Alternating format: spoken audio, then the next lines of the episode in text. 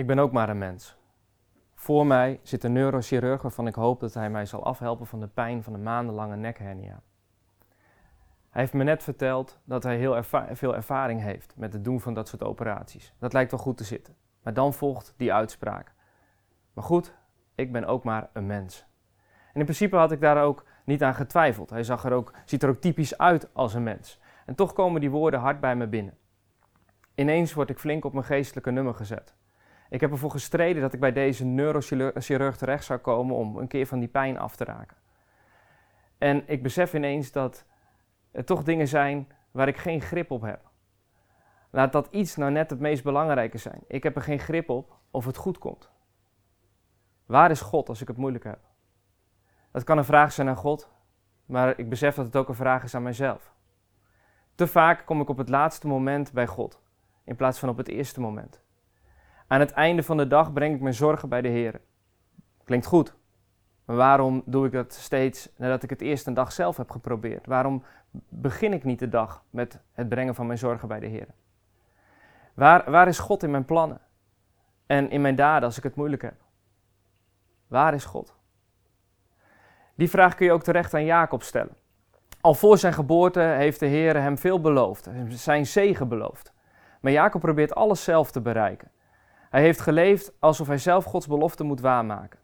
Jacob lost zelf zijn problemen op. Eerst koopt hij met soep het eerstgeboorterecht van zijn broer en later houdt hij met zijn moeder samen zijn vader voor het lapje.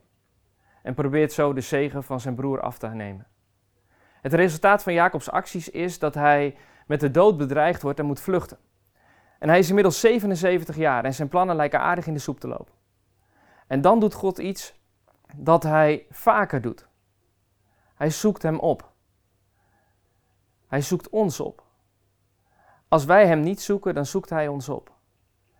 Jacob krijgt tijdens zijn vluchten een visioen te zien waarbij de hemel open gaat. En hij ziet dat de boodschappers van de aarde naar de hemel en andersom gaan. En over die verbinding tussen hemel en aarde gaat die, gaat die boodschap van God. En de Heer herhaalt zijn belofte van zegen aan hem. En hij belooft dat hij Jacob terzijde zal staan. En wat is dan Jacobs eerste reactie? Hij zegt: Dit is zeker, op deze plaats is de Heer aanwezig. Dat besefte ik niet. En zo kan het ook vaak bij ons zijn. In al je onzekerheid grijp je toch vast aan Gods belofte. Hij houdt zijn belofte, hij is aanwezig, ook al besef je het niet. Hij weet hoe moeilijk je het kunt hebben. En juist daarom heeft hij zijn zoon gegeven.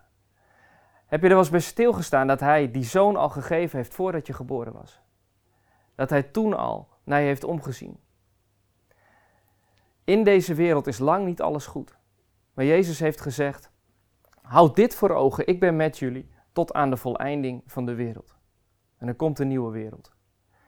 Is daarmee de situatie waarin je leeft ineens anders als je dit filmpje hebt afgesloten? Is er ineens vrede in de wereld? Zijn de oorlogen voorbij? Komen er geen aanslagen meer? Is je ziekte weg? Zijn al je relaties hersteld? Sterft er niemand meer? Nee. Is Jacobs situatie ineens anders? Nadat hij het visioen heeft gezien, hoeft hij nu niet meer te vluchten? Nee. Zijn situatie is niet ineens anders.